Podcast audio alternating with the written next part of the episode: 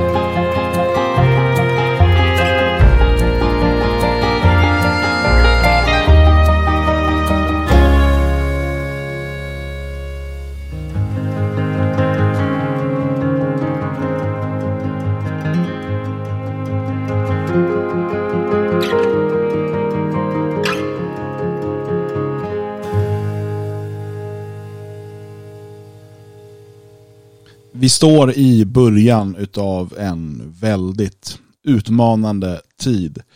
Inte bara som folk och land utan som hel civilisation. Vi vet ännu inte de slutgiltiga följderna utav coronaviruset.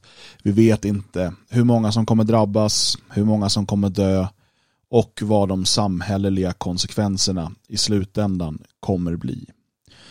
Vi vet däremot att regimen i Sverige AB inte har tagit sitt ansvar. Man har inte tagit till de metoder som krävs och genomfört de förändringar som behövs genomföras.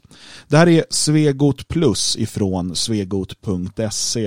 Eh, normalt sett är de här sändningarna och eh, poddarna där vi går mer på djupet någonting som är för våra prenumeranter.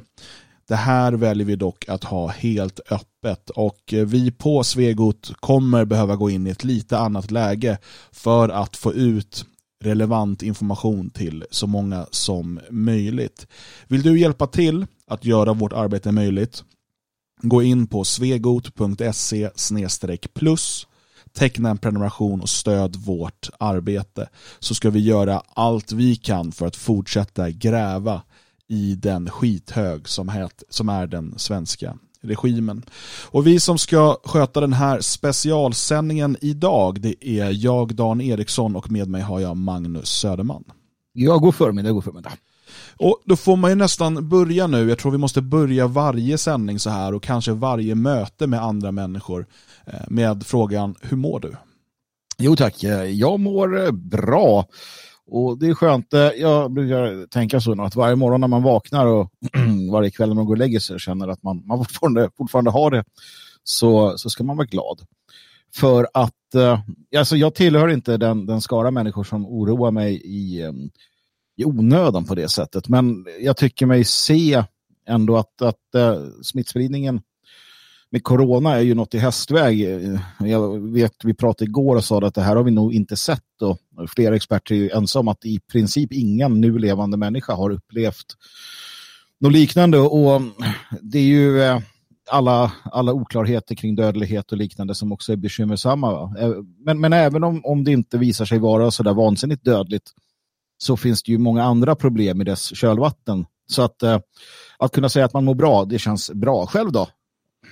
Jo tack, eh, jag, eh, jag mår bra. Eh, jag tror att vi har lyckats få någon typ av magsjuka i hemmet till råga på mm. allt. Som gjorde att jag var uppe med barn rätt mycket här på natten. Men jag är inte drabbad själv än. Mm. Men annars så, så är det bra och inga coronasymptom än så länge. Vi har ju både du och jag den stora fördelen av att bo ganska ensligt på landet. Så är det ju. Så är det ju. Men man ser ju också, eller jag, jag som har en, en väldig fantasi, när man går och handlar, eftersom det handlar om droppsmitta, eh, vilket, vilket vi ska vara ganska glada för att det inte är, att det inte är luftburet ännu, eh, är ju att man, man ser hur man tar den där eh, tvålen eller någonting från hyllan på Ica i Hova och åker hem med den och så tittar man lite bakom axeln ner i påsen och tänker att om jag såg med så här virusögon, hur, hur ser den här ut egentligen? Vad är det jag tar med mig hem? Men man kan ju inte heller hemfalla åt att ställa sig utanför och desinficera allting man tar in i huset. Alltså, jag vägrar att, att, att bli så, eh, i alla fall i detta skede. Mm. En eh, positiv del som kanske kan komma ur det här, och vi ska snart gå in på vad det är som faktiskt pågår och vad man på många sätt undanhåller för oss. Ehm, men en positiv sak är ju kanske att fler svenskar och, människor i allmänhet får upp ögonen för vikten av god handhygien. Ehm, det här eh, är någonting som jag, tycker att många missar och man, tar det inte på så allvar. Alltså, mm. Många får för sig att man tvättar händerna för att de inte ska se smutsiga ut. Alltså att det är någonting mm. ytligt. Ehm, medan tidigare generationer som har drabbats av, eh, alltså där bakterier och virus eh, kunde vara dödliga eller åtminstone väldigt, väldigt farliga eh, på ett annat sätt än vad vi har varit vana vid de senaste decennierna här i Sverige. Då har man vetat att, att liksom, det jag kan göra för att hålla rent ska jag göra för att annars är det farligt.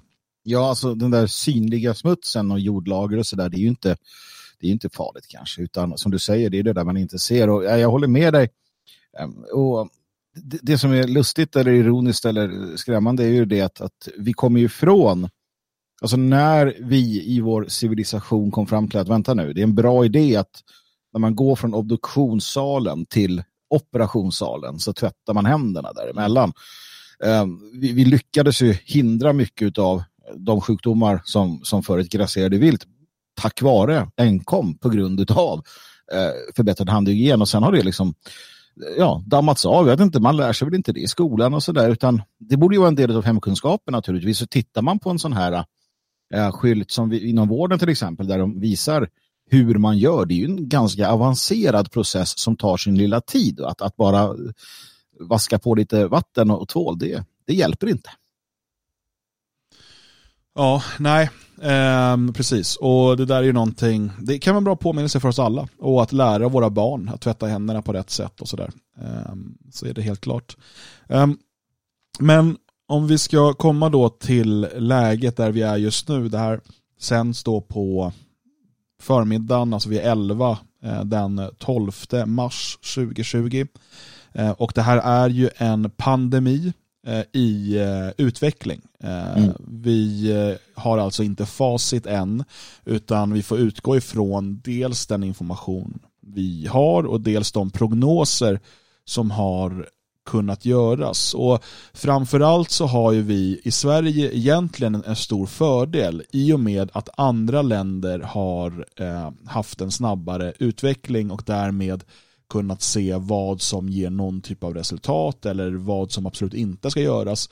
Ehm, det är svårt att lita på uppgifter från Kina men, men Italien har ju eh, brottats med det här ehm, sedan snart eh, en och en halv månad. Ehm, och därför borde man kunna lära sig mycket av Italien men ingenting tyder på att svenska myndigheter faktiskt lär sig av andras erfarenheter. Ja, men det är ju det här som är, jag blev lite full i skratt när du sa det, att vi har ett så pass mycket bättre läge och det har vi.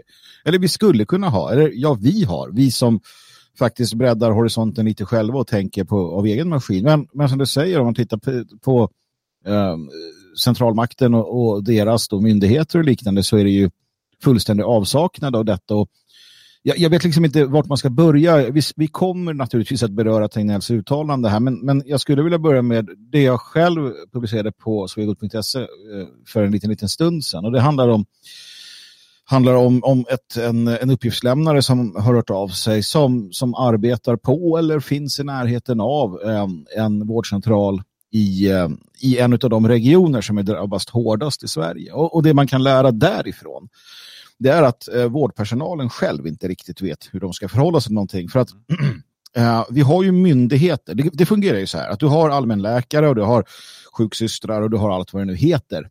Um, och de, de kan en hel del om saker och ting och de har om inte annat ett brinnande intresse av det arbete de utför. Men sen finns det myndigheter som, som övervakar och sköter liksom, de större frågorna och de är experter. Du har Smittskyddsinstitutet och du har Folkhälsomyndigheten. Och så. De, de ska ju vara experterna och det är därifrån direktiven kommer till eh, sjukhus, vårdcentraler och andra vårdinrättningar.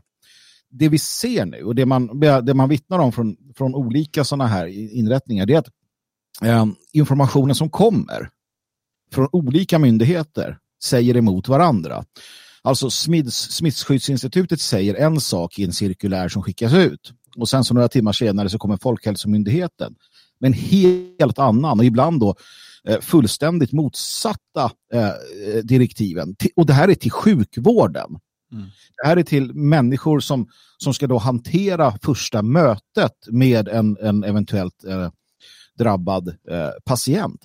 Och det de själva säger att de vet inte vad de ska göra. Alltså, man vet inte. Uh, och, och, det gäller dels då eh, smittan i sig. Man, man, vet inte hur smittar den, hur allvarligt är det, vad ska vi göra?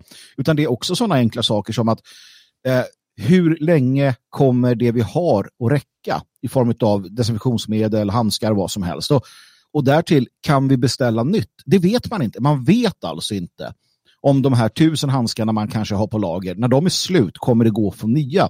För det finns ingen som kan ge besked. Och det är så läget ser ut, alltså runt om i Sverige på våra vårdinrättningar. Mm. Och um, Det är ju till viss del inte konstigt, alltså vi har som sagt inte varit med om, om så samma virus har vi såklart aldrig haft och, och, andra virus vi har haft har betett sig eh, lite annorlunda.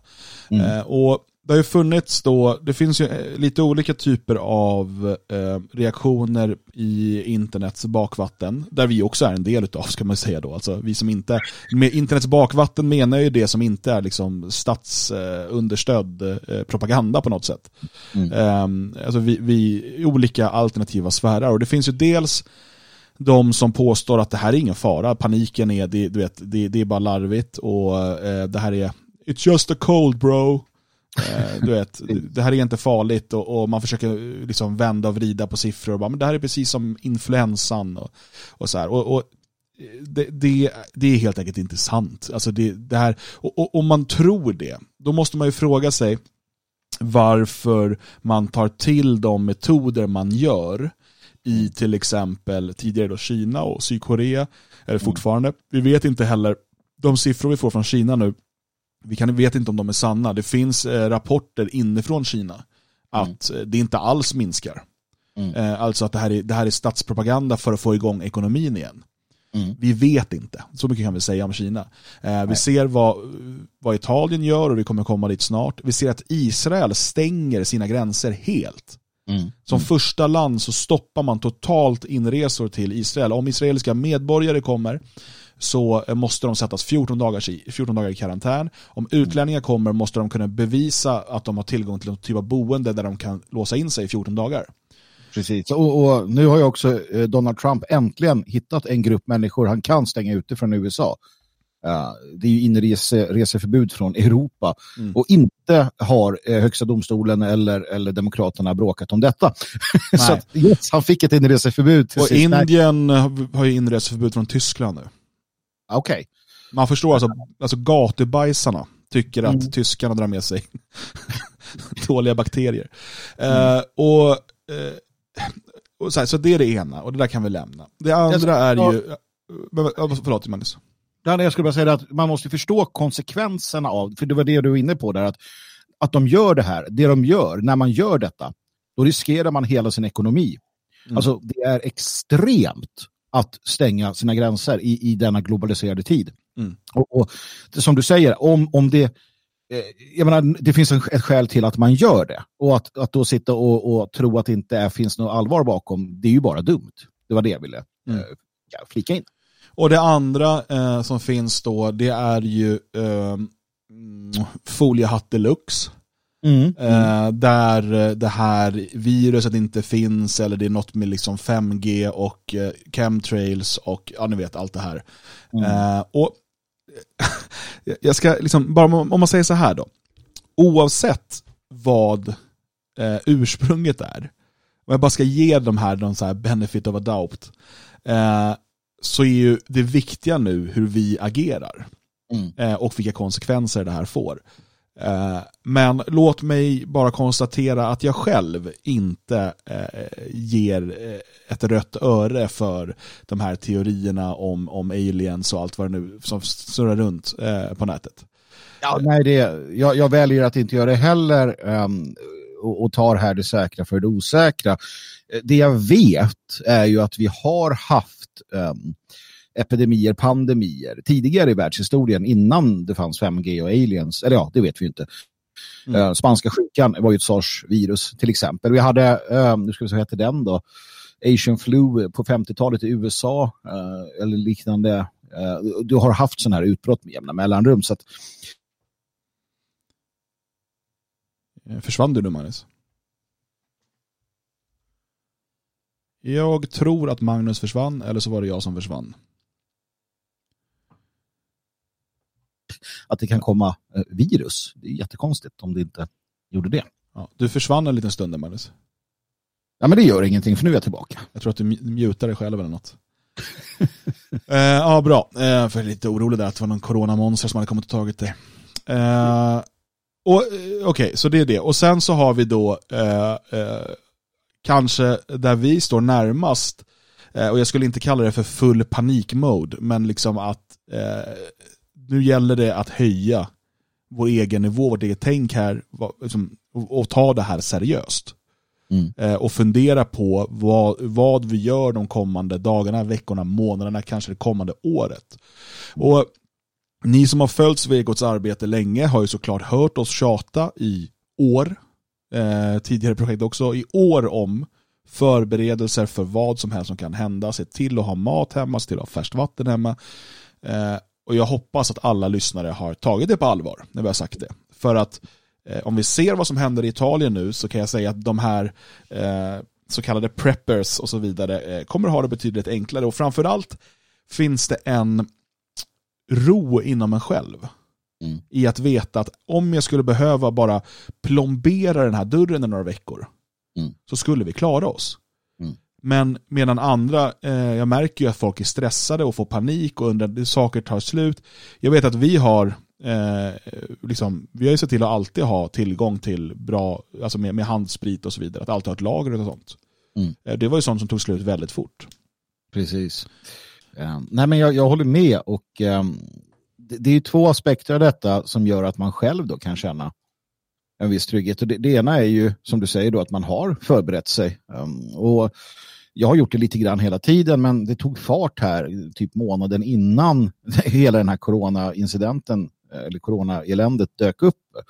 Så att, så att där känner man sig ganska trygg, men, men också um, i, i egenskap av medlem i Det fria Sverige så känner jag mig ännu tryggare och, och det är för att i den gemenskap som vi har eh, lokalt här och jag vet att du har en liknande gemenskap där du bor så, så vet jag, jag vet att det finns ett antal, en handfull om inte mer eh, personer som, som, som är förberedda, som är eh, av samma anda och som kommer att eh, hjälpa, vi kommer hjälpa varandra. Jag vet att jag kan ringa. Om jag skulle själv hamna i Alltså välja karantän av att säga att jag börjar hosta eller känner mig febrig. Jag vet att jag kan stänga dörren om mig och familjen och jag vet att jag har människor jag kan ringa till som kommer att hjälpa till och de känner samma för mig och, och också vad som än händer, hur det här än fortsätter så finns det eh, tillräckligt många för att vi ska kunna eh, så att säga freda oss själva under en, en, en bra tid och det, det är ju tack vare det arbete som som har lagts ner och, och, att man drog nytta av. Och det har vi också sagt, det sa vi från början med det fria Sverige.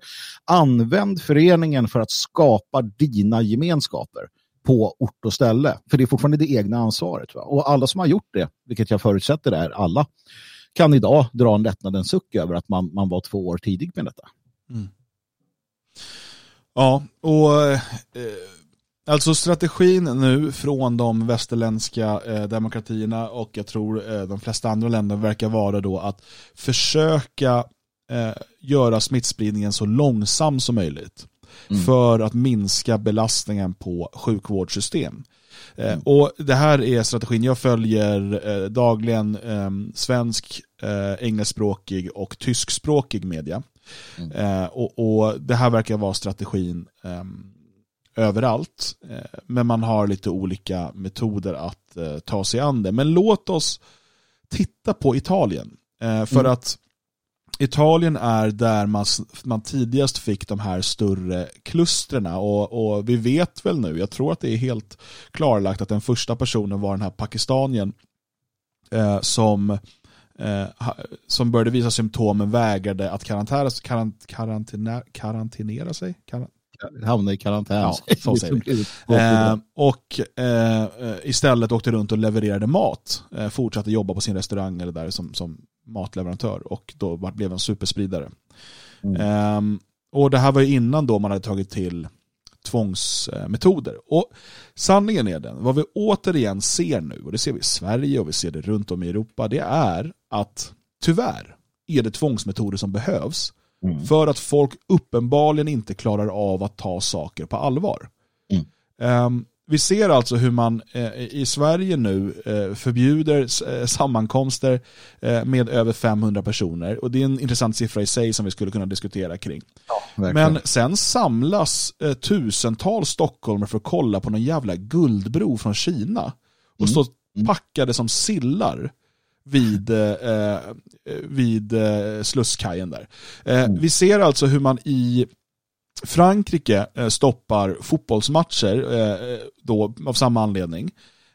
och i Tyskland. Men vi ser hur tusentals fotbollsfans samlas i stora klungor och bränner bengaler utanför arenan. Ja. Alltså man tar inte saker på allvar. Tittar vi nu på vad Italien gör, för Italien har gått alla de här stegen redan, men har mm. märkt att det inte hjälper.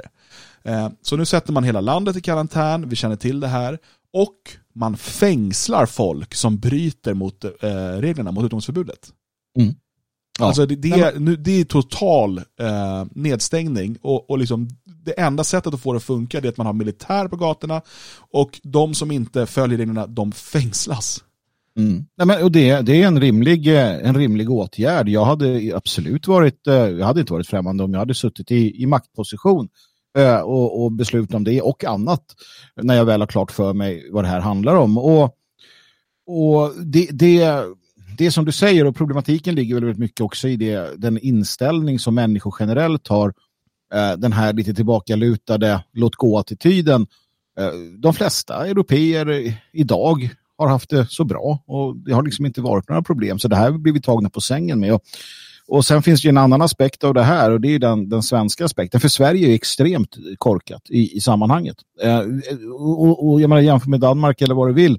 Jag vet inte hur det är med Finland och deras eh, vänsterblivna regering. Men, men tittar vi på Sverige så är vi extrema eh, på, på, att, eh, på den här låt gå-attityden. Ja, vilket, eh, vilket naturligtvis är negativt. Men jag vet, vi pratade tidigare, du och jag, eh, och vi kom fram till det, Dan, att, att eh, om det nu, låt oss säga att det stämmer att man har eh, kommit åt smittan i Kina. Som sagt, det finns inget som tyder på det mer än att de själva säger det. Men låt oss säga att det är så. Då kan vi ju titta på Kina och se vad gjorde de mm. för att lyckas med det. Och då pratar vi om att svetsa igen dörrar hos folk. Då pratar vi om att gripa människor, eh, säkerligen skjuta dem också. Jag har eh, inte så stor tilltro till den kinesiska staten på det sättet. Um, och jag menar, är det där man då till sist hamnar, då inser man ju hur, hur problematiskt det kommer bli för um, regimer som, som vår att uh, hantera det, av flera skäl. Mm. Ja, verkligen. Och, och när, uh, när, när man började förstå allvaret här. Eh, och det har ju kommit gradvis såklart, men det är ändå flera veckor sedan det liksom blev tydligt att här måste det till extrema åtgärder för att få koll på det. Man måste, Alltså man kan tycka vad man vill om kinesiska regimen och så vidare och, och, och det är liksom deras övervakning och deras syn på liksom människovärde och så är ju minst sagt under all kritik. Men att de tar till de metoder de tar är, det är en signal som man måste lyssna på. Eh, och, och, Italien har ju då försökt att, att, att liksom hålla sig på den här eh, demokratiska eh, liksom vägen och, och det, det, är så svårt som demokrati att göra sådana här saker. Ehm, eh, men har ju nu till slut fått ge upp för att man har märkt att alla andra sätt har eh, misslyckats. Mm, precis, och eh, jag menar vi, vi, vi vet ju en del um, och det vet vi tack vare att du har personliga uh, bekanta i. Italien. Och du berättade här för inte så länge sedan att du pratade med en av dem som, som förklarade läget där då han bor. Um, och just det här, vi, vi hörde statsepidemiologen Tegnell i Sverige säga att, att uh, det man nu ska fokusera på är att, att uh, hjälpa dem med, med, med liksom, uh, ökad risk, alltså gamla och sådär som, som redan har sjukdomar. Um, och, och, det hade man säkert tanke på i Italien också till en början, men det visade sig väl om vi ska, vi ska tro på vad han säger, och det ska vi, att nu i Italien, om du ringer och har corona eller kommer in och har corona och tillhör gruppen riskpatienter, då säger de att du går hem. Eller de kommer inte, eller de låser in dig. Um, för att nu satsar man på att rädda de som räddas kan. Mm. Det betyder att man har passerat gränsen för det som Tegnell fortfarande är inne på. Och sanna mina ord, det är ju där vi hamnar också i Sverige eh, om det fortsätter. Alltså att myndigheterna börjar göra överväganden istället och det är sjukvården att okej, okay, den här personen kan vi inte rädda, den får ligga och dö.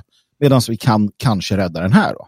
Och jag säger inte att det är fel inställning i, i svåra situationer, men det hade ju varit trevligt om vi inte hade behövt hamna där genom att eh, agera resolut från början. Mm.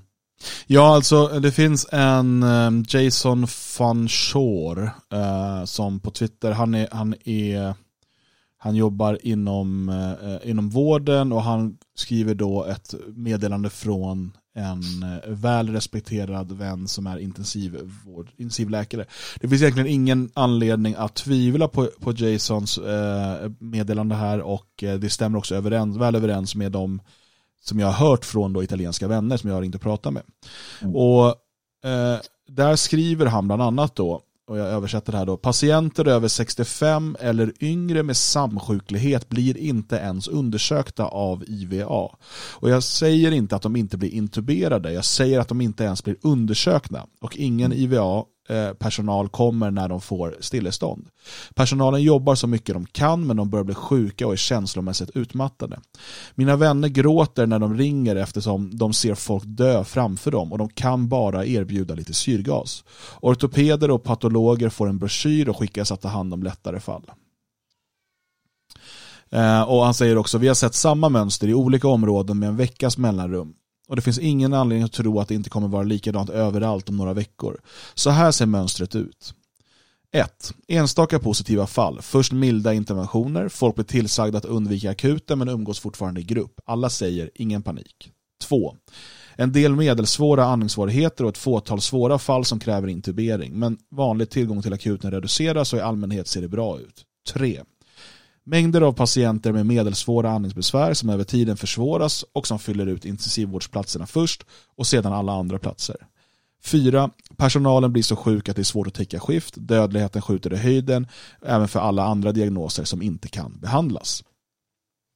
Och Det här är alltså det man har sett i område efter område i Italien. Eh, och eh, Det finns ingenting som tyder på att utvecklingen skulle se annorlunda ut i Sverige. Och det här sista är också viktigt att förstå. Alltså när, när sjukvården blir så överbelastad, och då ska vi komma ihåg att SÖS gick upp i stabsläge innan det här. Man var mm. tvungen att vårda folk i, i liksom matsalen.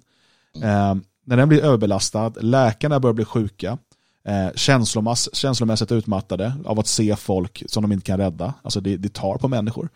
Eh, och eh, då kan man inte heller vårda folk för andra besvär. Det är fortfarande så att hur mycket det här viruset sprider sig så kommer det finnas andra sjukdomar och behovet av vård. Oh som ja. man då inte kan göra någonting åt. Mm. Nej men får du en, en, vanlig, tänkte jag säga, en vanlig hjärtinfarkt så jaha. Mm.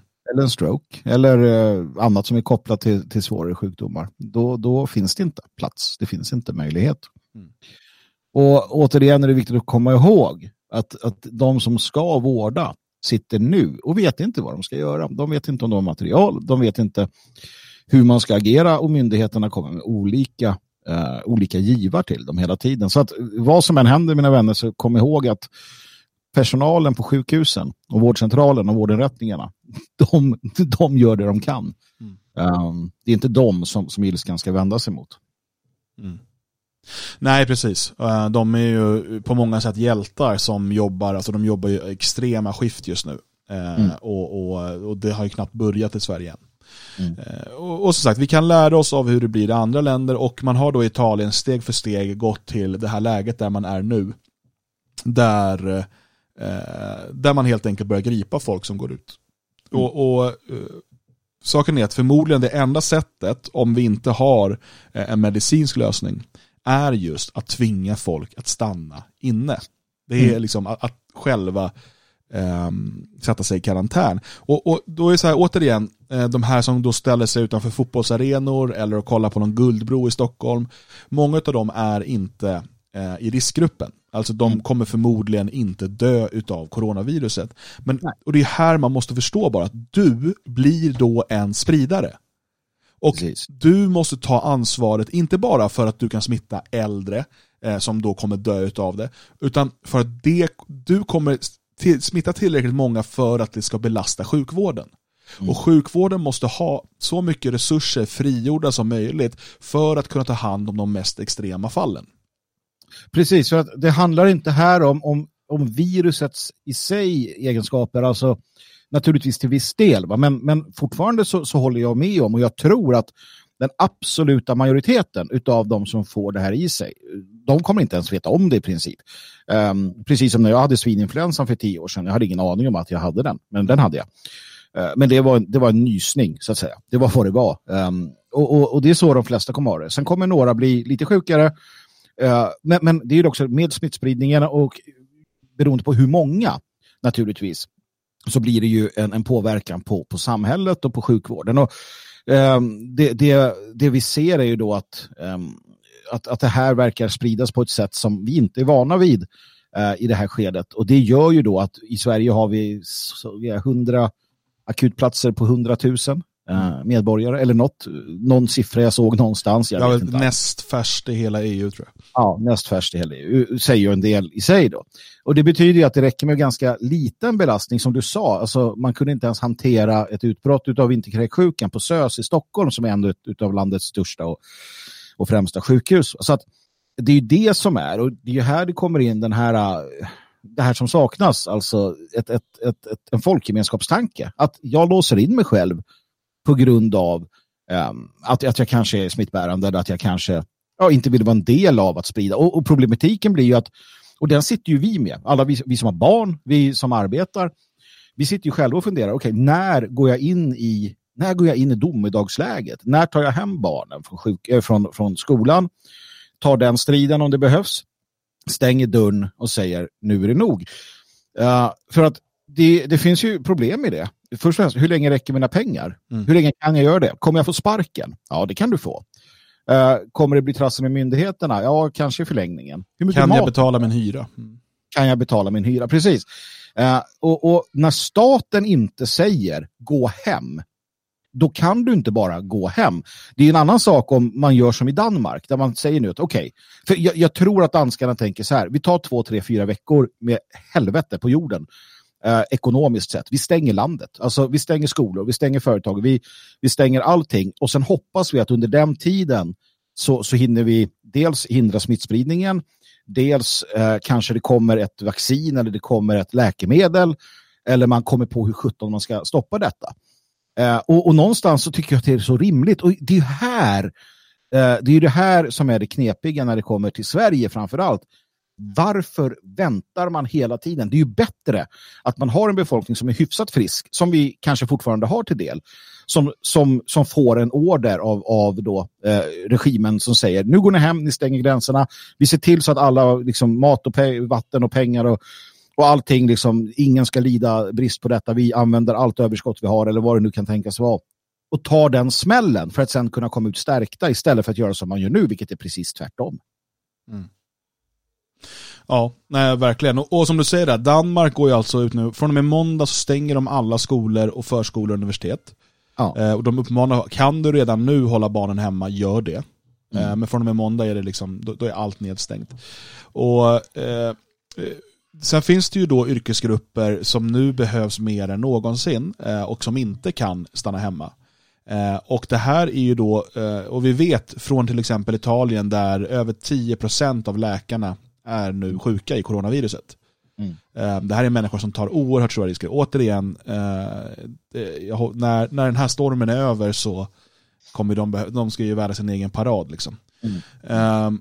Men vi ser nu hur Österrike går ut, och det här kommer vi säkert få se något liknande i Sverige, och inför då ett ehm, semesterförbud för alla poliser. Mm. Eh, och jag är inte riktigt säker på hur det fungerar i Sverige faktiskt. I, i Österrike och Tyskland har man något som kallas för beamte. Um, när du jobbar för till exempel polisen. Eh, lärare kan vara det också. De har eh, betydligt högre pension, de har en massa goda villkor. Men de är också, eh, de har också satt ifrån sig flertal friheter. Eh, mm. Bland annat då så att staten kan gå in och säga att ni får inte ta, eh, ni har, alltså nu har inte, kan inte ni ta semester. och så vidare. Eh, de kan tvingas till arbete och sådär. I Sverige tror jag att man har sämre villkor och man får inte strejka till exempel och liknande. Ja, ja strejka får de inte heller göra i, i Tyskland och sådär. Men eh, ja, hur som helst. Eh, alla 25 000 poliser i Österrike har nu belagts med semesterförbud för man räknar med att de kommer behövas alla i tjänst. Mm. och det säger någonting om vilket läge man förbereder sig på också. Att just mm. poliser kommer behövas i stor utsträckning. Mm. Eh, visst. Mm. Nej, men eh, för att man, man vet väl där, precis som man alltså då såg i Sverige med guldbron från Kina. Jag, jag tänker bara att bara där borde ju de som stod där så här, okej okay, jag står och tittar på den här guldbron med hundratusen andra eller vad det kan ha varit. Eh, och den är från Kina, där borde de säga Kina, virus, eh, folksamling, ingen bra idé. Men det hjälpte inte. Nej men det är klart att poliserna kommer behövas i, i allt högre utsträckning och Sen är det svårt att säga om hur, hur länge det här kommer pågå och om, det, om, du, om vi med tiden ser andra brister. Jag menar, en, en yrkeskategori som vi verkligen behöver det är lastbilschaufförer det är eh, lagerpersonal. Det är de som, som, eftersom vi har bestämt oss för, eller ja, staten eller hur du vill se det, vi bestämde oss för att on-time delivery, det är grejen det. Det är så vi ska ha det. Vi ska inte ha några eh, lager, vi ska inte ha några förnödenheter på lager, vi ska inte ha någonting på lager, utan allt ska bara hela tiden röra sig på vägarna. För det är det bästa sättet att göra det på. Och då gäller det att det flyter på. Va? Eh, skulle du få en, en 20-procentig, säger vi, eh, hem, hemställan av lastbilschaffisarna i Sverige. 20 procent av lastbilschaufförerna blir sjuka eller måste vara hemma. Det kommer kännas, det kommer märkas och det kommer märkas fort. Mm. Jo, det är det här som, som, som är så viktigt att förstå varför man bör vara så förberedd som möjligt eh, och, och, och, ha eh, resurser hemma för att kunna klara större eh, problem. Sen är det så här, man ska ju veta det, och det är precis som när vi har talat om att eh, liksom samhällskollapsen kommer inte över en natt utan det kommer vara en, en stegvis försämring. Det man ska ha klart för sig är ju att regimen kommer så långt det går sätta in åtgärder för att människor ska ha mat och, och liksom tillgång, alltså allt sånt här. Ja. Eh, det är ju så här, alltså även i Italien nu när man är i fullt eh, nedstängningsläge så är det fortfarande så att matbutiker och apotek håller öppet eh, med ja. en massa restriktioner. Men alltså, så det är inte så att bara så man inte, det är bra att vara tydlig med det här tror jag, att det är inte så att man liksom från med imorgon kommer stänga alla ICA och Coop och Willys och vad det nu är. Eh, och så kommer det inte gå att få tag i mat. Eh, men du kommer, eh, dels så kommer du märka Alltså om det fortsätter så här och som med transporter och det, eh, du kommer märka att det blir glesare i hyllorna och så vidare. Eh, och framförallt är det så att genom att ha sakerna hemma så behöver du inte ge dig ut till affären. Mm. Alltså det är också viktigt för att eh, liksom behålla eh, hälsan och inte bli en, en, en spridare själv. Absolut. Ehm, och, så, Det kan ju verka också eh, eh, perifert eh, med det här med fotbollen. Jag tycker ändå bara att det, det är intressant då hur man, man väljer ju nu att det ska spelas utan publik och så vidare. Eh, och eh, det som hände i Italien nu, för att man har ju spelat utan publik ett tag, men nu har ju en spelare i Juventus visat sig vara smittad. Mm. Eh, och eh, då kan man se bilderna från här i måndags eller söndags när de vann senast, eh, hur de alla står halvnakna i omklädningsrummet och kramas, hela det laget. Mm. Så att nu sätts väl hela det laget då i karantän, samma med laget de mötte. Vilket gör att man får ställa in hela ligan. Och, och det här mm. är också det enda rimliga. Det här, det här behovet av att så här, men vi ska försöka få det att fortsätta som vanligt. Mm. Varför, eh, det är väl bara stänga ner, skjuta upp och så får man, jag förstår ju att det, det här handlar om miljarder, men det kommer det göra för alla andra branscher också. Mm. Där måste man ju bara hitta en lösning. Eh, och de här överbetalda divorna till fotbollsspelare får väl gå ner och ta en vanlig arbetarlön ett tag då?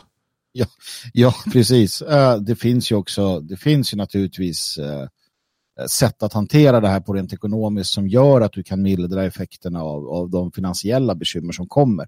Eh, om man bara vill. Och, och, som vi ser då så väljer Italien eh, nu, men eller väljer, de tvingas in i det. Italien har inget val. Va? Vi såg hur Ryssland, de stängde gränserna ganska omgående och tyckte att det här klarar vi på något sätt. Och, och Danmark är, är ju, för, har ju förvisso många smittade, men det verkar inte vara lika eh, hög dödlighet och lika stort problem eh, som i Italien. Men de väljer ju då att vi tar det här stålbadet, vi stänger ner allting. Mm. Och Det är också intressant, och det, nu hamnar vi inne på, på spekulationens område, men varför det slår så himla olika uh, med, mellan olika länder. Uh, och, och, och, det är viktigt ändå att, att, resonera lite snabbt kring det här, för att vi pratade tidigare om dödlighetssiffror och, och allting. Och, och, och det, det, vi vet är att vi inte vet någonting för om kanske ett år, två år. Nej. Då kan vi säga att dödligheten var så så många procent och så vidare och vad det blir av det hela. Det kanske blir en snuva till sist av coronaviruset som, som många tror. Va? Men just nu vet vi ingenting och det är ju det.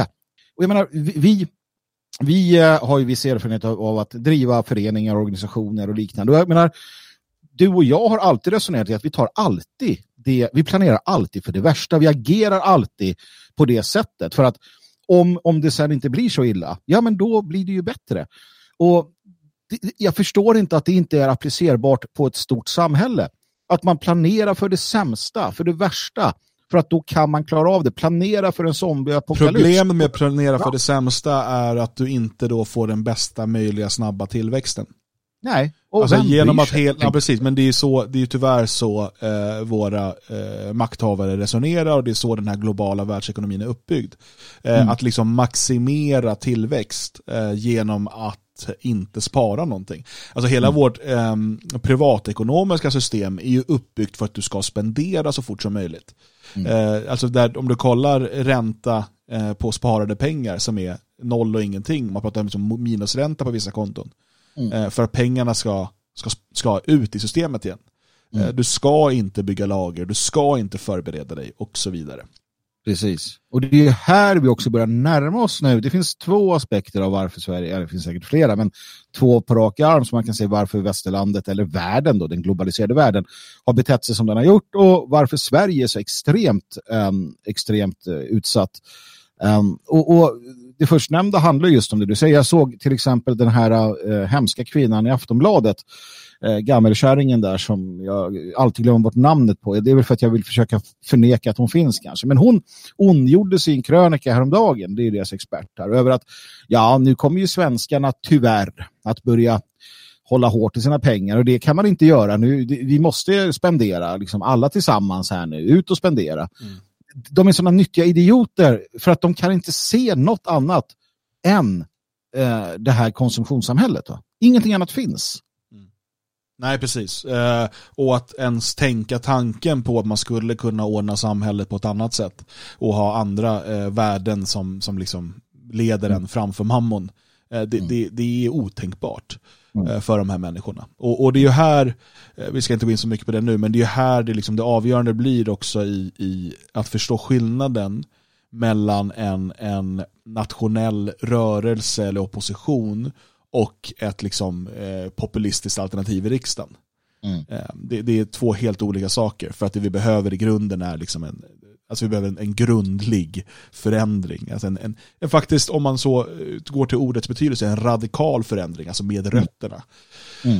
Eh, men i Sverige då så ska vi ju eh, då lita på statsepidemiologen eh, Tegnell Mm. Anders Tegnell. Och här tycker jag, och jag har skrivit ut på Twitter flera gånger och jag står fast för det, jag menar ju att han, eh, när, när stormen har lagt sig, bör åtalas för, för det han gör. Och med, jag vet inte om det är liksom medhjälp till massmord eller vad som nu finns på, på i, i straffskalan idag, men det bör åtminstone prövas om det, om det verkligen är, är det verkligen lagligt att vara så här inkompetent och ge så här felaktiga råd.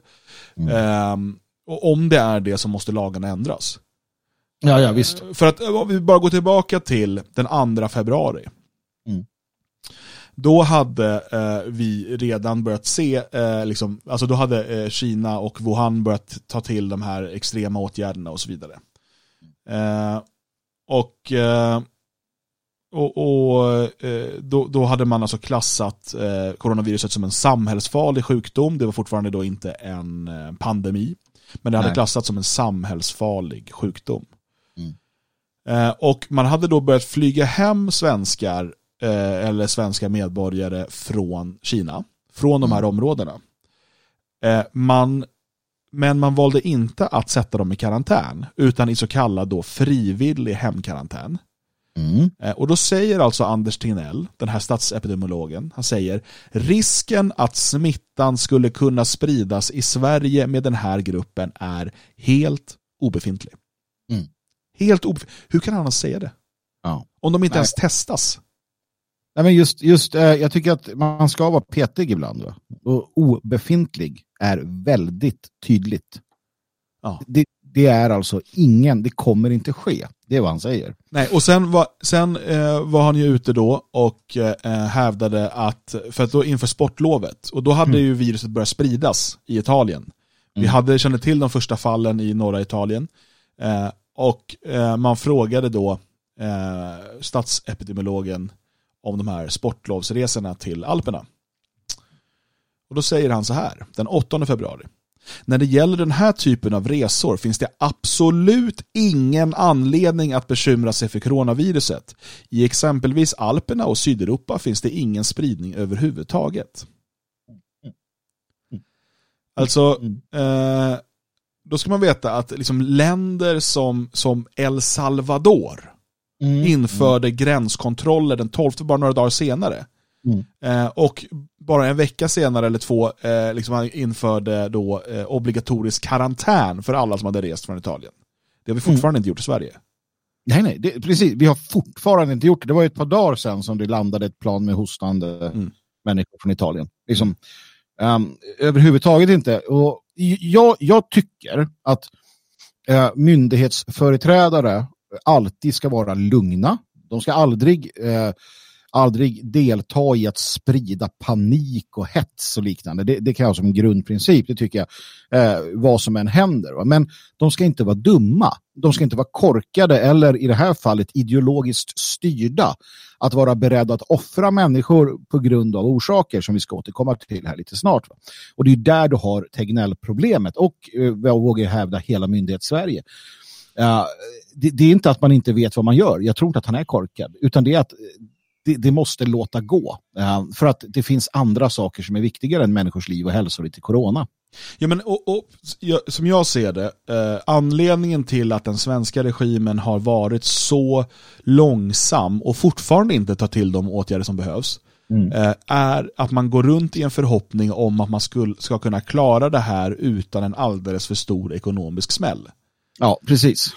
Att liksom, ja, fan, det kan ju lösa sig. Och, ja Och saken är den att till en början finns det alltid en möjlighet att du ska kunna ehm, eh, liksom hålla inne viruset genom att hitta de som är, som är smittade, göra mm. smittspårning eh, mm. och sätta de här människorna i karantän. Det här kräver mm. också att du stänger gränsen.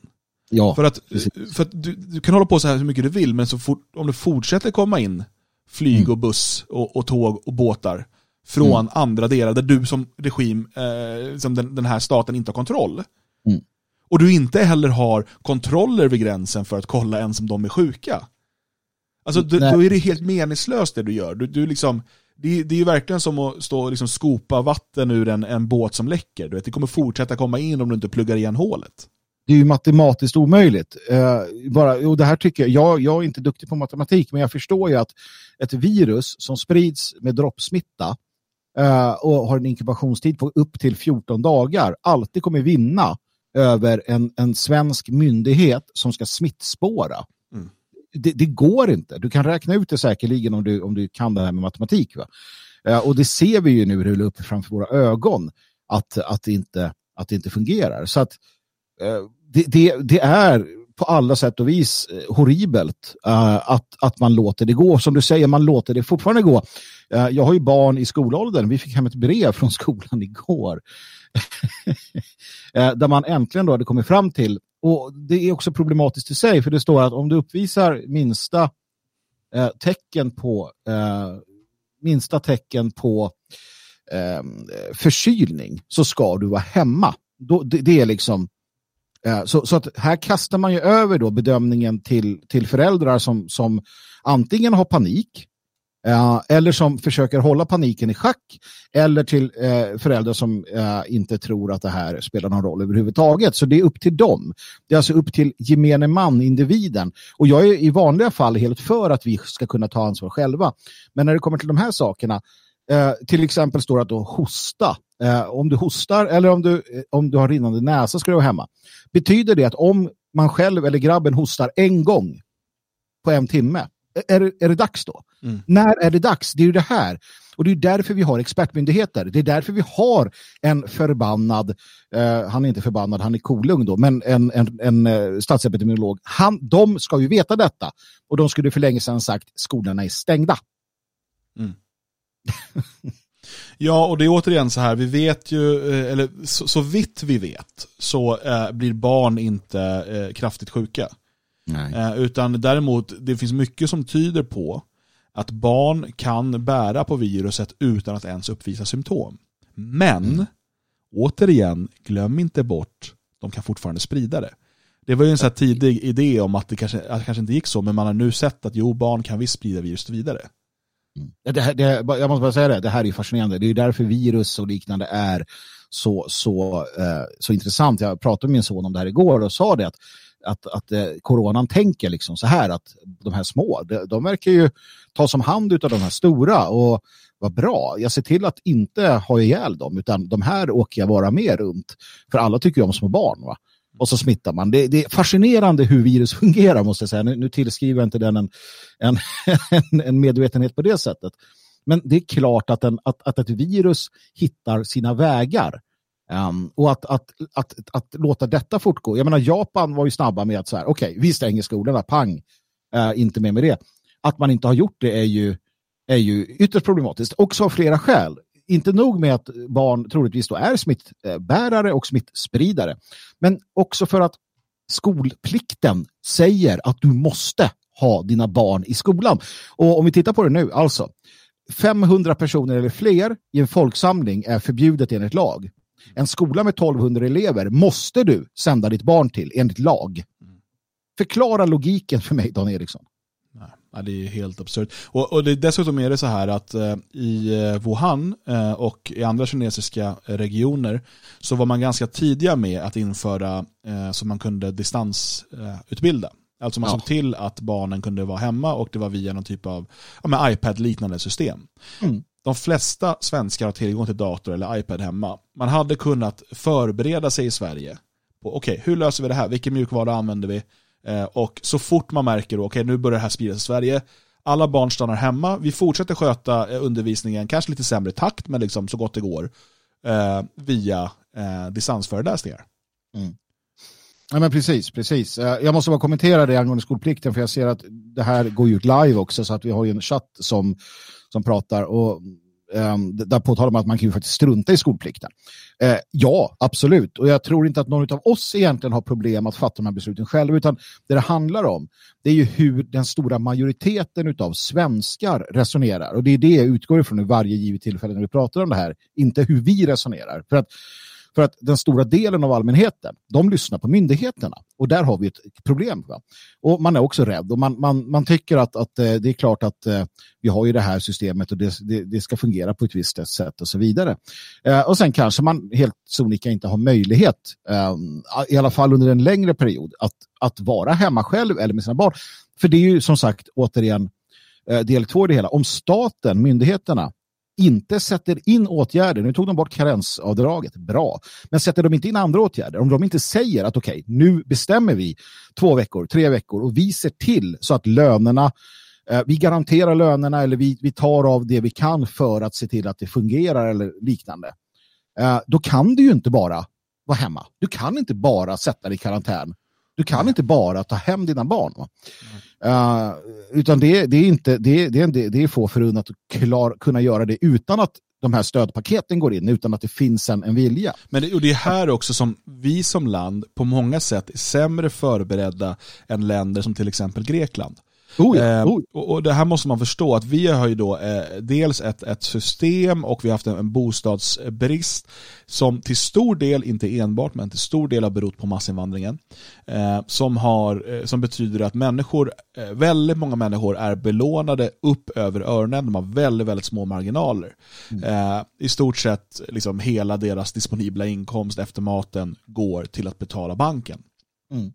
Och eh, när, skulle det då eh, liksom, i, man inte kunna göra det på några månader, så det är inte så, vad vi vet än så länge, så är det inga banker som har gått ut och sagt att vi, för att det hade ju varit, alltså, så här, hade vi haft ett samhälle som bygger på folkgemenskap, banker som inte drevs av eh, liksom, människor med näsa för affärer utan människor med känsla för folket.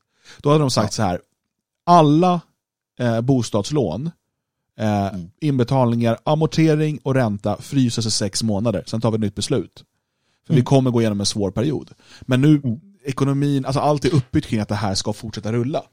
Mm. Eh, men, men det är ett sånt läge som ett, ett system måste kunna gå in i för att då människor ska kunna vara hemma med eh, utan att va, riskera eh, att förlora sitt hem.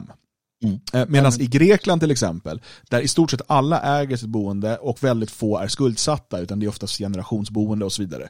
Eh, och det man såg under Greklandskrisen, när man, när man var upp mot 30-40% arbetslöshet, var att folk fortfarande hade sitt boende, de hade en del odlat eh, på, på tomten och man liksom kunde baka bröd och så vidare. Man överlevde inget high life på något sätt. Men, men alternativet att förlora ditt hem, mm är ju liksom någonting, eh, någonting helt annat. Och tyvärr, vi, svenskar lever, även om vi är ett på många sätt på ytan ett rikt land och vi kan konsumera väldigt mycket saker och så vidare. Eh, vi har ganska stark konsumtionskraft eh, i genomsnitt. Så är det fortfarande så att våra marginaler är ganska små. Absolut. Ta Grekland igen då som ett exempel. De hade också en väldigt stor svart ekonomi. Mm. Uh, och en väldigt stor, uh, en väldigt stor sån där att uh, man, man handlar genom byteshandel. I Sverige finns inte det. Så den svarta ekonomin är väldigt liten och det här att, att ägna sig åt byteshandel, ja på landet absolut. Och, och återigen, landsbygden kommer klara sig långt mycket bättre i alla fall på, på vissa sätt än storstaden framledes också. men men eh, ja, har man ingen svart ekonomi, har man ingen, ingen vana att ha misstro mot systemet och vi kan befinna oss, alla vi som lyssnar och vi som pratar, vi befinner oss i en bubbla där vi har en naturlig misstro mot systemet och har haft i, i alltså, årtionden. Men har du inte det, och det är det här som är majoriteten av svenskarna, förstår det nu, då, då förstår man inte liksom, nyttan av en svart ekonomi. Man förstår inte varför misstron ska finnas där. Uh, och det är därför också det, det krackelerar så, så väldigt snabbt som vi ser just nu. Uh, så, så, att um, återigen, vi måste kunna ha de här, förstå de här uh, olika utgångspunkterna som vi står inför. Vi har också nu sett, om vi ska gå över till nöjesnyheter då, att Tom Hanks har fått coronaviruset. Ja, jag gillar ju Tom Hanks som skådespelare, men som människa Nej, har jag lämnar mycket att önska. Ville bara lätta upp stämningen lite här. Men det är, väl, det är väl någonstans som jag ska hitta någon tröst i det här. Ehm, det är väl, jag brukar ju ibland säga det att det är för jäkligt att de som, att de som fattar beslut om mångkulturen, att de då aldrig eh, drabbas av den, verkar det som. Eh, I det här fallet så kan i alla fall corona, den bryr sig inte särskilt mycket om de här eh, om de här eh, säkerhetsåtgärderna som sätts in. Du, du kan ha hur många Säpo-vakter du vill. Eh, räcker med att någon jäkel nyser på dig så får du det hela. Nej, och politiker brukar ofta vara rätt gamla va? Ja, det brukar de vara va? Trötta sådär i riskgruppen. Men, Men- okej, låt oss komma tillbaka till Sverige då och det som händer nu. För att man, man är uppenbarligen, så här, vi kan bara konstatera, man tar inte, man genomför inte de åtgärder som behövs. Och återigen, vi kanske kan sitta här om två månader och säga att ah, det räckte med det vi gjorde. Mm, Eh, mm. Men det finns ingenting idag som gör att vi kan veta det. Jag hoppas ju det någonstans. Eh, jag- vill ju att det här bara ska blåsa över, för det här är inget kul. Nej, och vi har massa annat att göra än att bråka med ett jävla virus. Vi har många Ja, viktiga saker precis. här ju. Eh, och och eh, det, kan, det kan bli så. Eh, men i dagsläget finns det ingenting som tyder på det om vi ser hur det har utvecklats i andra länder. Eh, och, och, med tanke på att Sverige inte har tagit till de metoder som faktiskt finns till förfogande och, och vågat ta den här snabba men hårda smällen. Men vi fick ju kanske en förklaring till det i eh, Niklas Svenssons intervju med just Anders Tegnell. Eh, Det här för är att, hårresande. det här är hårresande. Ja. Det, det är groteskt. Det här är troligtvis det värsta jag har hört i hela mitt liv. Och här förstår man, jag eh, hade lite diskussioner med tyskar här för några dagar sedan och berättade vad, vad Tegnell hade sagt. För han sa ju då i förra veckan att imorgon har vi nått piken. Ja. Han har ju alltså så här, han har haft fel, alternativt ljugit hela tiden. Ja. Eh, ingenting han har sagt har stämt. Nej. Eh, vilket i sig var sidospår då. Är intressant är då läser Dalademokraten, eh, ledarartikeln i, i den här socialdemokratiska tidningen Dalademokraten, signerad av Bar Barbro Engman, Mm. som är rubriken. Och det är nu, nu ska ni känna Pravda, Pravda-vibbarna här. Eh, eh, jag måste nästan göra så här bara för, eh, bara för att det här ska bli rätt. Eh, ska vi se. För Så effektens skull. Så här.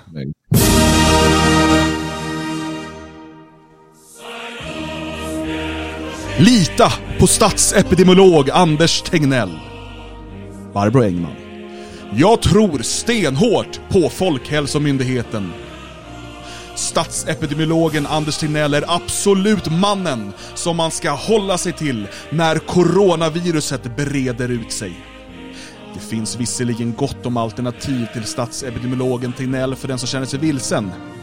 Problemet är bara att man blir ännu mera vilsen ju mer man lyssnar på alla dessa mer eller mindre självutnämnda virusexperter som dyker upp där man minst anar det.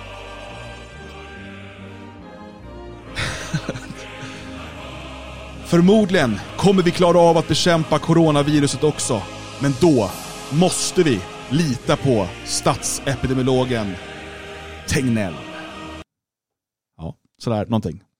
Ja, och det som är så svårt att förstå, och det är det jag är inne på i eh, en artikel jag skrev igår, det är att, och även idag jag följer upp det lite grann, det, det, det är svårt att förstå att doktrinen kan vara så, um, så allestädes närvarande, omnipotent och viktig, att man ignorerar eh, det uppenbara. Mm. Och, och det är det vi står inför. Och det här som jag tror för första gången någonsin har blivit, eh, det har aldrig varit tydligare än vad det är med Tegnells uttalande till Niklas Svensson. Nej, och jag ska för att avsluta min tanke där och jag pratade med lite tyskar och så och berättade vad han hade sagt då när han haft fel hela tiden. Men varför säger han så och varför fortsätter man lyssna på honom?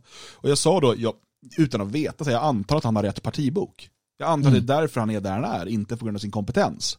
Mm. Eh, och när man då hör uttalandet till Niklas Svensson så känner jag att jag har nog rätt i det påståendet. Mm. För att det här handlar om en ideologiskt driven människa snarare än vetenskapligt.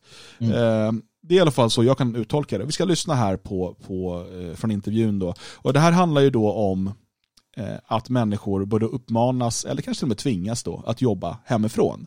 Mm. Eh, så här säger han om det. På samma tema då, Spotify-chefen Daniel Ek, han leder ett företag med tusentals anställda. Han eh, uppmanar nu alla sina anställda att stanna hemma mm. och arbeta hemifrån. Mm.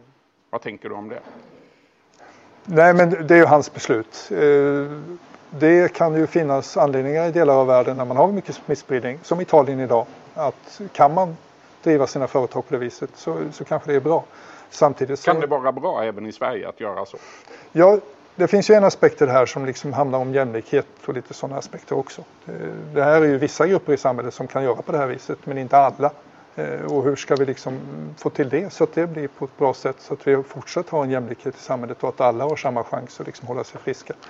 Eh, jag tycker man bör tänka igenom konsekvenserna av den typen av beslut tycker jag ganska brett innan man tar dem. Inte minst om man är en myndighet eller ett stort företag. Det handlar alltså om jämlikhet.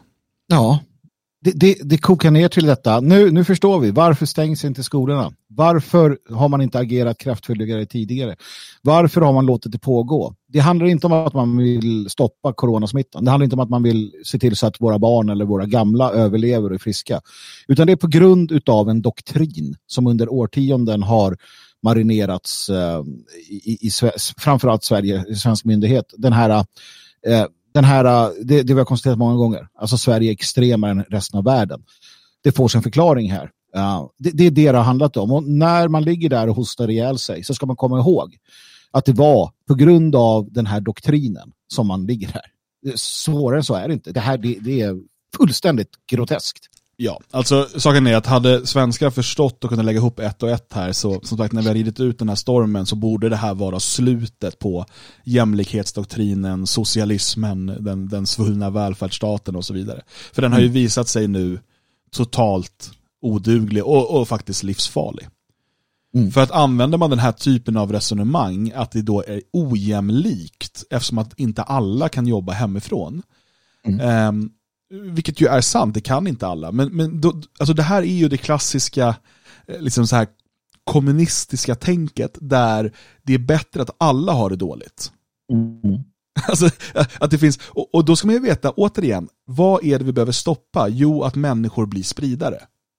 Mm. Och ju färre som går till en arbetsplats med massa andra människor, mm. desto färre kommer bli spridare. Mm. Eh, och vi vet att ungefär 10% av de som insjuknar, eller som åtminstone det som diagnostiseras, hamnar eh, på intensivvård. Mm. Om de siffrorna fortsätter stämma så betyder det att för var, var tionde person som inte smittas mm. så är det en plats som frigörs. Mm. Alltså, eller ja, precis. Så att så tio personer som jobbar hemma och inte håller på att träffa massa andra människor i onödan sparar en intensivvårdsplats. Men det ja. vore ojämlikt för alla kan inte jobba hemifrån. Mm. Och det är, det är kalla fakta, det är den krassa verkligheten, det är där vi är. Så att någonstans kan vi spola ner allt annat i toaletten. För det handlade aldrig, det handlade aldrig om att stoppa viruset. Det handlade aldrig om människornas väl och ve. Det har aldrig handlat om det för Anders Tegnell. Det har aldrig handlat om det för regeringen eh, eller, eller för liksom, etablissemanget eller myndigheterna. Det har inte handlat om det. Det har handlat om att upprätthålla en doktrin. Och, och då kanske någon sådär säger, nej men herregud, nu, nu, nu går ni för långt. Nej, så här kan det inte vara. Låt mig då bara lite snabbt eh, gå tillbaka till historien. Vi går tillbaka till tiden för Tjernobyl eh, härdsmältan eh, och konstaterar att Sovjet, den sovjetiska regimen, eh, eh, in i det längsta förnekade att något hade hänt. Och när de väl erkände att något hade hänt så var det inte så allvarligt. Och inte bara för omvärlden, utan för brandmännen, för de som arbetade där, de närmaste cheferna. Alla förnekade att något hade hänt. För att ett, ett sovjetiskt kärnkraftverk kunde inte få en härdsmälta. Man satt i högsta Sovjet medan det hände och sa att nej, nej, det är fel. Det har inte hänt en olycka. För det kan inte hända en olycka.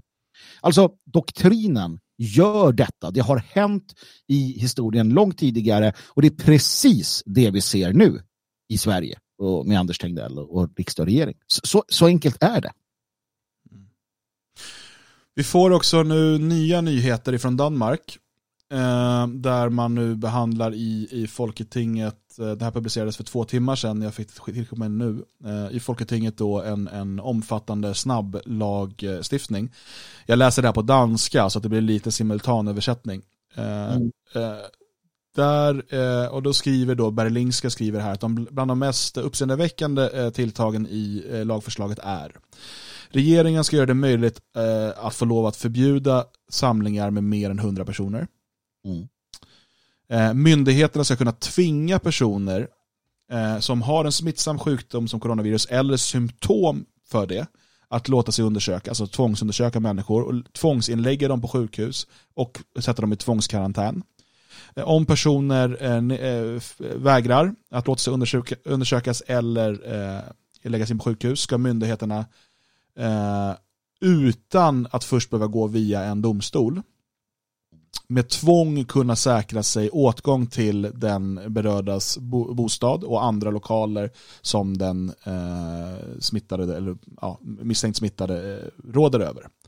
Om man misstänker att det rör sig om coronavirus. Mm. Eh, man vill också ha möjlighet att kunna förbjuda tillgång till och lägga restriktioner på transportmedel. Mm. Eh, och Eh, eh, det, det, är en hel räcka av den här typen. Eh, man, måste också kunna införa då möjlighet att förbjuda besök på offentliga och privata sjukhem och sjukhus. Eh, man vill ha möjligheten att kunna helt stänga ner offentliga institutioner som skolor, eh, utbild ja, det är det man gör nu då med utbildningsinstitutioner eh, och förskolor. och man ska också kunna, alltså, ehm, vad blir det, hälso och åldersministern ska kunna expropriera privat egendom. Mm. Uh, det framgår inte i vilket fall det här ska bli nödvändigt, uh, utan uh, det ska då utgå full ersättning till den som berörs. Mm. Man ska också då få lagmöjligheter att helt avspärra områden där smittade befinner sig. Mm. Återigen, vi måste förstå hur all, potentiellt allvarligt detta virus är. Mm. Den här typen utav, den här typen utav eh, tvångsmetoder, och, och, visst vi kan ta på oss foliekippan här och säga det här är bara för att de ska få chansen att liksom förtrycka oss eller du vet, införa nya drakoniska lagar. Och, och, och sanningen är den att det kan säkert finnas, alltså, när det här har blåst över, att man, att man kommer ta tillfället i akt att införa lagar som inskränker våra friheter. Ja, man, kommer inte, kanske, man tar inte bort de lagar man har stiftat. Precis, men låt oss ta den striden då. Utan mm. att, man, att man idag instiftar de här eh, lagarna har eh, eh, liksom som, eh, det, det, tyder på att man, alltså, vi måste också förstå så här att människor vid makten och runt den har mer information än vad vi har. Mm. Sen är det ju så att de väljer att inte dela med sig av den för att det man absolut vill motverka är panik. Mm. Eh, ska säga det också, det står då i det här lagförslaget att på grund av att det här är så eh, inskränkande, eh, alltså det, det, är så långt in i, i liksom inskränkningar i privata eh, rättigheter och, och, så vidare, så finns det alltså en klausul i den så kallade epidemilagen som betyder att den automatiskt upphävs den första mars 2021. Mm. Eh, sen om man följer det är en annan sak. Men återigen, det där är en framtida diskussion. Vi måste förstå, och du kära lyssnare måste förstå, vilken situation vi befinner oss i nu. Att det här är allvarligt.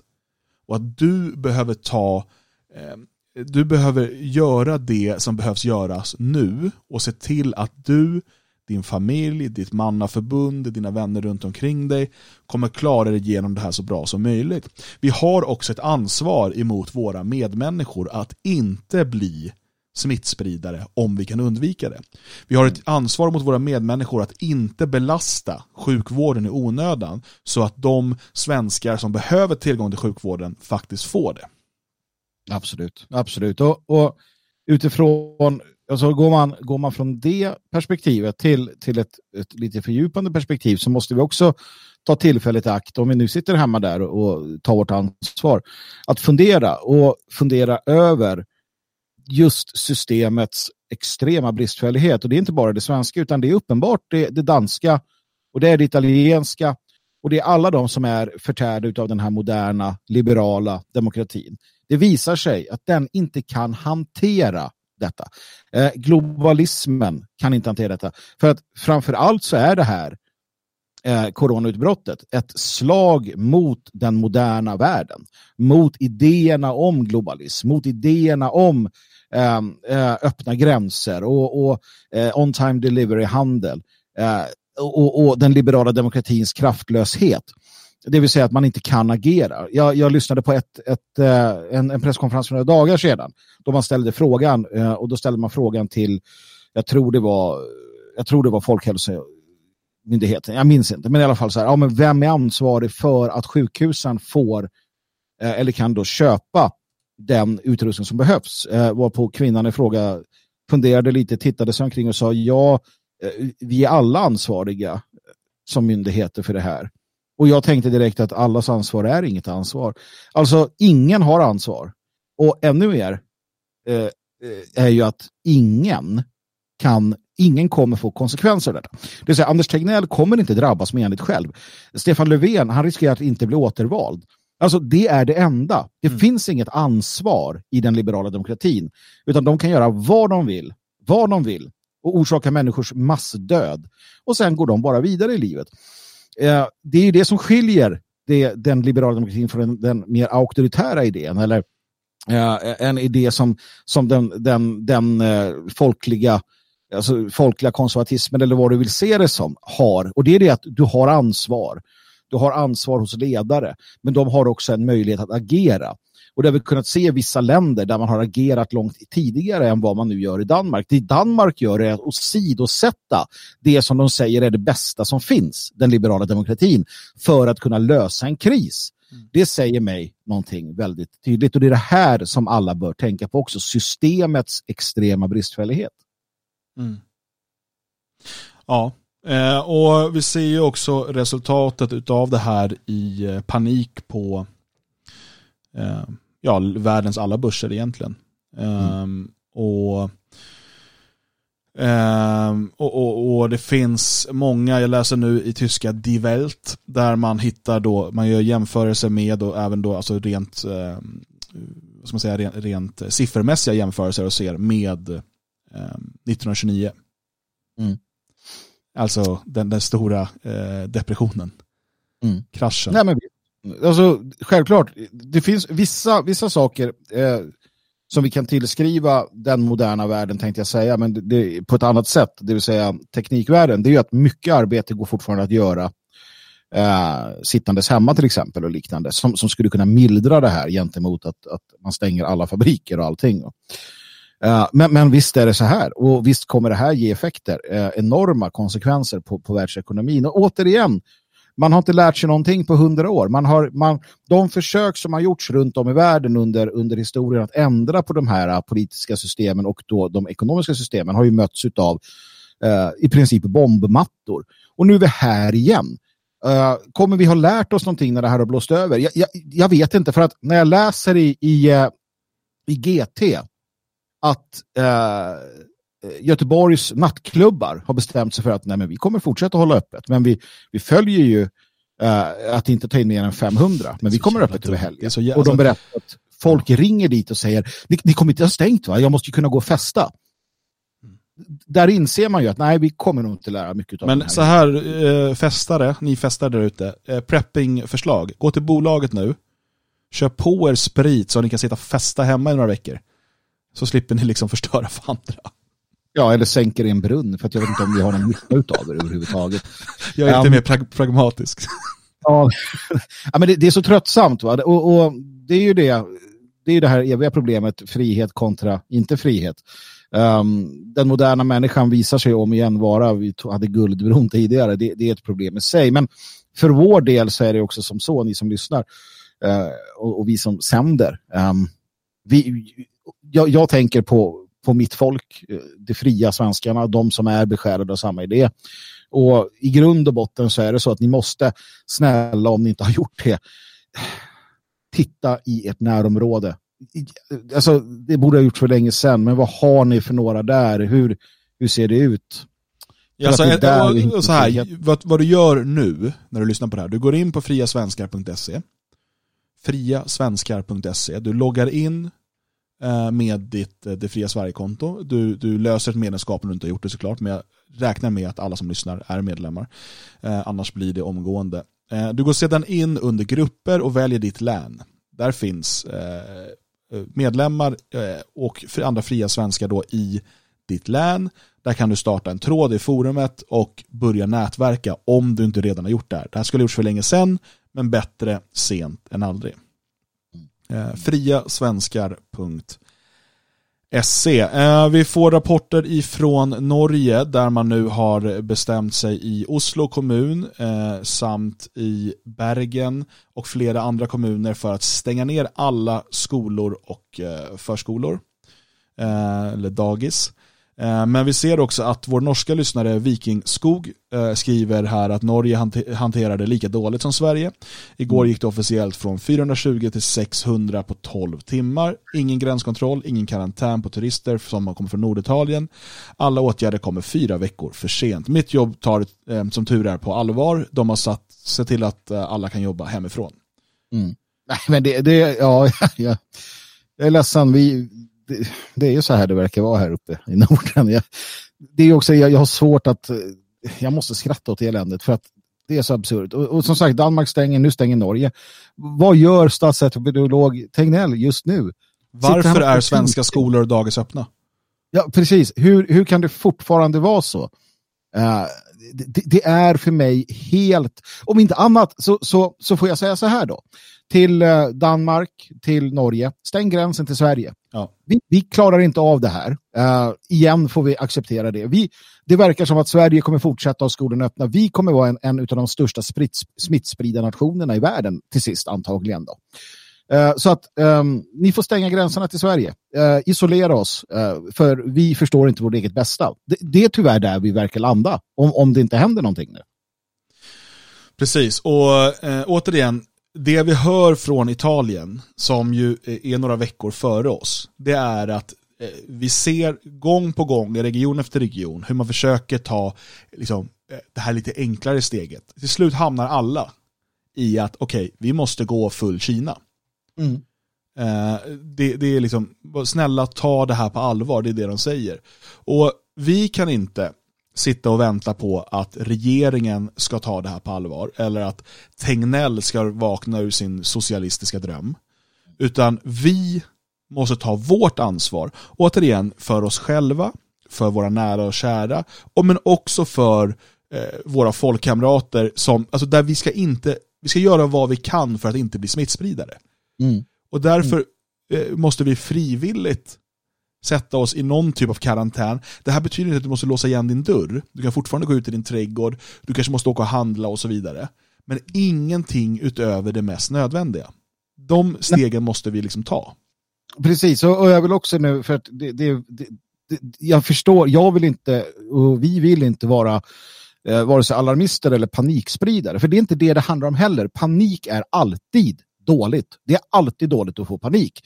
Eh, det är alltid dåligt att rusa åstad för att du missar en massa saker och troligtvis blir det bara farligare för dig själv. Utan det det handlar om, återigen, det är ju att, att det här ska kontrolleras. Det här handlar om att, eh, för att med, med all sannolikhet så, så Um, det, det är som Dan är inne på helt enkelt. Vi ska inte vara smittspridare, vi ska inte vara en del av dumheten som gör att det här bara förvärras och förvärras, utan vi ska vara en del av lösningen som nationalister alltid är. Uh, så att Nej, det är inte, det är inte en zombieapokalyps som står för dörren. Men däremot så är det, eh, jag menar, blir du sjuk så blir du sjuk och det är jobbigt i sig. Eh, smittspridningen visar att många blir väldigt sjuka. Eh, och, och, att för omtanke om, som sagt, jag menar, din gamla mamma eller pappa som har de här riskgrupperna, det ska finnas platser åt dem. Um, och på samma sätt som om, om systemet inte kan täcka, täcka över hålen i vägen utanför så får man göra det själv till sist. Va? Men det vi ska komma ihåg är att systemet sedermera också måste ta ansvar för det de har ställt till med. Mm. Uh, så att inte panik snälla ni, det är inte det vi, vi fiskar efter här utan det är rim och reson och uh, att göra det som måste göras med förståelsen av vad som händer. Och som sagt, det hade varit bättre om vi hade gått in i stålbadet direkt och sagt vi stänger allt. Uh, man gör inte det, utan man väntar in i det sista, så kanske i mitten på nästa vecka stänger Sverige skolorna. Men mm. ja, som eh, man var inne på i chatten, det kanske är bättre att låta eh, barnen vara hemma om ni har möjlighet. Mm.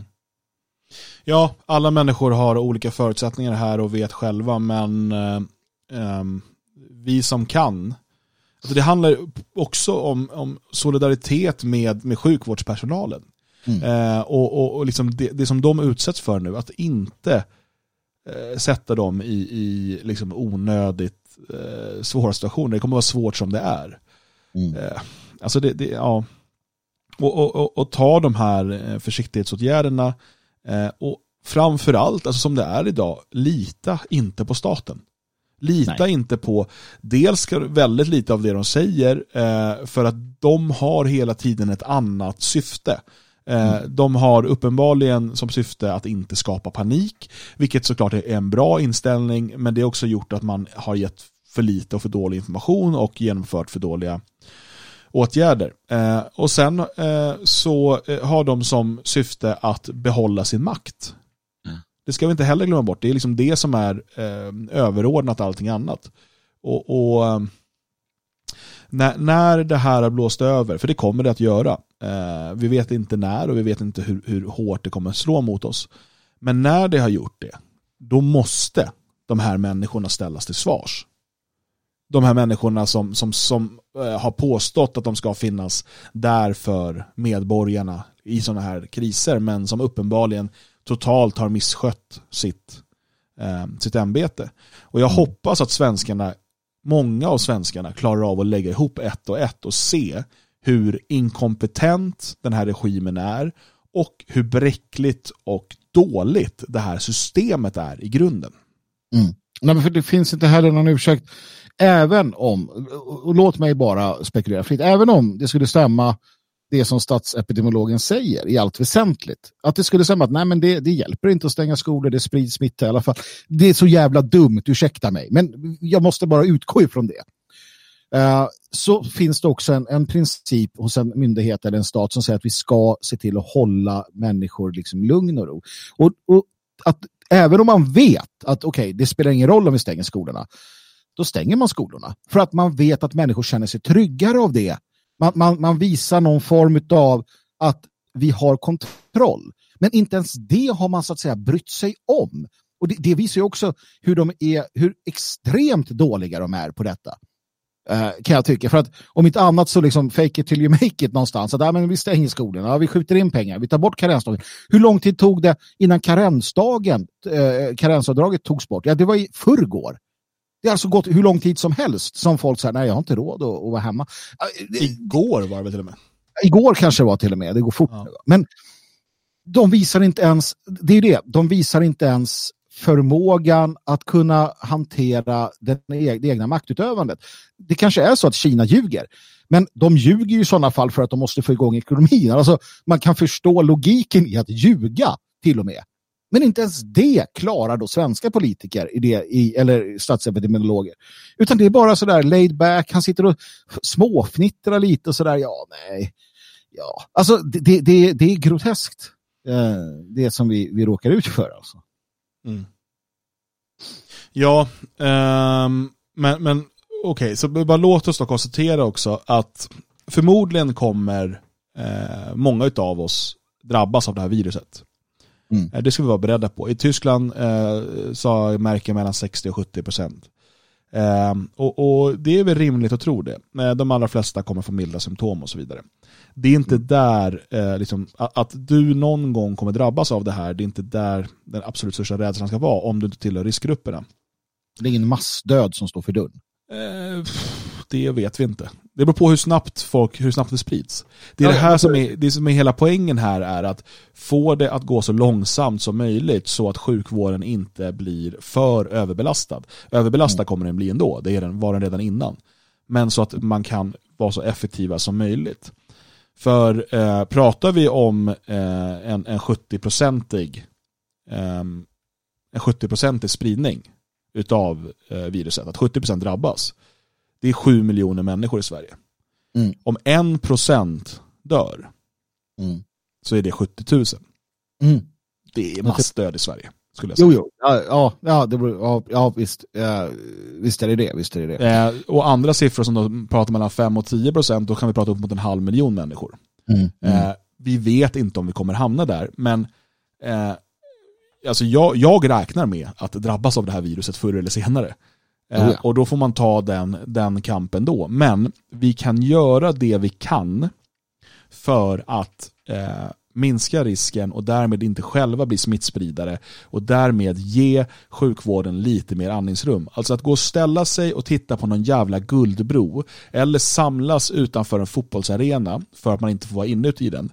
Eller, Eller, gå på nattklubb eller gå på nattklubb eller sitta på krogen. Eh, det är eh, i dagsläget oansvarigt. Mm. Eh, och det är inte bara oansvarigt mot sig själv utan mot alla andra svenskar. Mm. Alltså, och det är här vi måste bara ta ett eget ansvar. Eh, och, och eh, Förmodligen så kommer vi få se nu framöver, om man inte lyckas stoppa det här på något magiskt sätt nu, eh, och ingen blir gladare än vi, men så kommer ihåg det, det, får jättegärna stoppas nu om det liksom finns en bra lösning på det. Men om det inte gör det, så kommer vi få se hur man steg för steg, då, man stänger skolor, man stänger dagis, man kommer ha eh, inskränkta öppettider som man gjorde i Italien. Sen gick man snabbt över till att nej, vi stänger allt utom apotek och matbutiker Mm. och vi börjar fängsla folk som bryter mot hemkarantänen. Eh, och, och, eh, vi kommer förmodligen se den utvecklingen i Sverige den kommande två veckorna. Mm. Eh, och, och då har man liksom inget val längre. Men att redan nu ta sitt ansvar så gott man kan är en, en god idé. Mm, absolut. Och vi får väl se hur, hur, hur, hur det utvecklas eh, från Svegot och det fria Sverige så kommer vi, du var inne på det Dan, vi har redan diskuterat hur vi går vidare här och vi kommer finnas med och sända och eh, kanske utöka sändningen om det behövs, eh, ställa om vår verksamhet i den mån det behövs och sådär för att, för att finnas med. För vi ser det som ett Eh, vi ser det som, som avgörande att, att få möjligheten att ta del av eh, ta del av information från andra källor, eh, andra typer av resonemang och, och, och liknande. Som sagt, eh, Dan Eriksson har själv goda kontakter runt om i hela Europa via ETN eh, där vi kan få unik inblick i vad som händer på gatan. Eh, och vi har uppgiftslämnare som, som mer än gärna berätta vad som händer på myndigheter, institutioner och liknande. Och, och vi kommer finnas med och lite grann beroende på vad som händer och självklart ska ni veta det att blir det karantänläge ordentligt så, så ska vi nog se till att kunna få, få vara med i eten ännu mer så att ni inte behöver sitta där hemma och ha tråkigt i alla fall. Uh, för det är också viktigt att komma ihåg att uh, en, en avgörande sak i dessa, i dessa tillfällen det är att hålla modet på topp. Um, att tänka positivt, att, uh, att inte slå ner sig själv. Så att, säga. Så att eh, vi har hela tiden diskussioner kring detta och naturligtvis föreningen också eh, som tittar på vad, vad vi kan göra och hur vi kan finnas till hands eh, och så. Tyvärr så måste vi också acceptera det faktum att eh, vi som förening inte har under de år vi har funnits inte haft möjligheten att skapa de förutsättningar vi hade önskat. Vi hade gärna sett att det hade dröjt tio år kanske. Då hade vi stått bättre rustade. Ja, eh, vi kan ju bara säga då att Tyskland nu har nya siffror då och man har då gått från igår 15 000, 1565 till 2078 mm. rapporterade fall, alltså en ökning med 25 procent. Och det här följer eh, kurvan, eh, det vi ser överallt av den här exponentiella ökningen. Det är samma kurva som vi såg i Kina, det är samma kurva som vi såg i Italien. Ingenting tyder på att andra länder där det här fått fäste eh, kommer se en annan kurva. Nej, det, och därmed så kan vi också lära oss av de metoder som andra länder använt. Naturligtvis. Och, och jag tycker fortfarande att en av de, de bästa rösterna, nu kommer jag inte ihåg hans namn, den har figurerat i kvällspressen också. Eh, han sa det att, och, och, och, det gjorde han väldigt tidigt, att okej, okay, inom ett eh, år ungefär så är 80-90% av jordens befolkning eh, smittad av corona. Mm. För det är så det kommer gå. Det betyder inte att alla de dör, utan, utan det betyder bara att det är så det kommer bli. Och det kommer ta ett, ett tag innan det här liksom normaliseras, vilket han tror att det kommer göra, för det har alla andra sådana här äh, pandemier gjort med tiden. Och det är där vi, det är där, de här siffrorna tyder ju på det, att, att det är så det kommer slå helt enkelt. Mm. Um, ja, uh, så vi, vi kommer att avsluta den här sändningen nu, men uh, vi på Svegot, uh, alltså jag kan bara uppmana, följ svegot.se, Följ oss i sociala medier, prenumerera på nyhetsbrevet och så vidare. Vi kommer ge er den viktigaste informationen så fort vi har den. Vill du stödja arbetet med Svegot, teckna en prenumeration på Svegot Plus, svegot.se plus. Vi kommer förmodligen behöva återkomma i fler specialsändningar framöver. Vi har också talat om eh, hur vi kan fungera i ett läge då kanske svenskar eh, tvingas i karantän. Mm. Eh, och vi får se eh, då helt enkelt. Eh, det fria Sverige kommer inom kort hålla ett extrainsatt styrelsemöte eh, och besluta hur vi gör eh, framöver. Förslaget som ligger på bordet är helt enkelt att vi kommer ställa in ehm, de evenemang som vi har planerade temporärt åtminstone så att vi och se om vad vi kan hålla digitalt kan vi göra digitalt. Ehm, men styrelsen ska besluta om det här inom kort. Eh, men det är där eh, som, som vi är i dagsläget. Och var rädda om er, gör inget dumt, drabbas inte av panik, det hjälper ingen. Men, men eh, ta det ansvar som behövs tas och se, kolla om ni kan hjälpa till någonstans. Har ni kanske grannar eller andra som tillhör riskgrupperna, äldre människor, sjuka och så vidare, kan ni hjälpa dem att handla?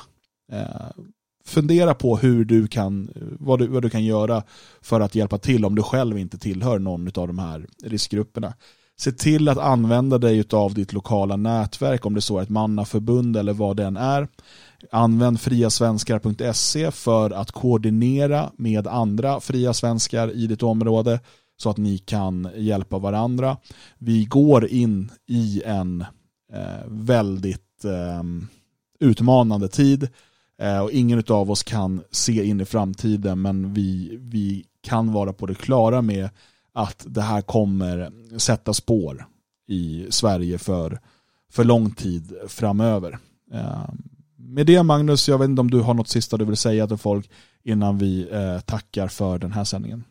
Nej, jag tror att vi, vi kommer få anledning att återkomma i, med special, eh, extrainsatt avsnitt här under under veckan och veckorna som kommer. Eh, men ni kan vara säkra på att vi inte ger upp, att vi kommer att eh, finnas med in i det sista. Svårare än så är det helt enkelt inte. Tack för att du har lyssnat och eh, var rädd om dig.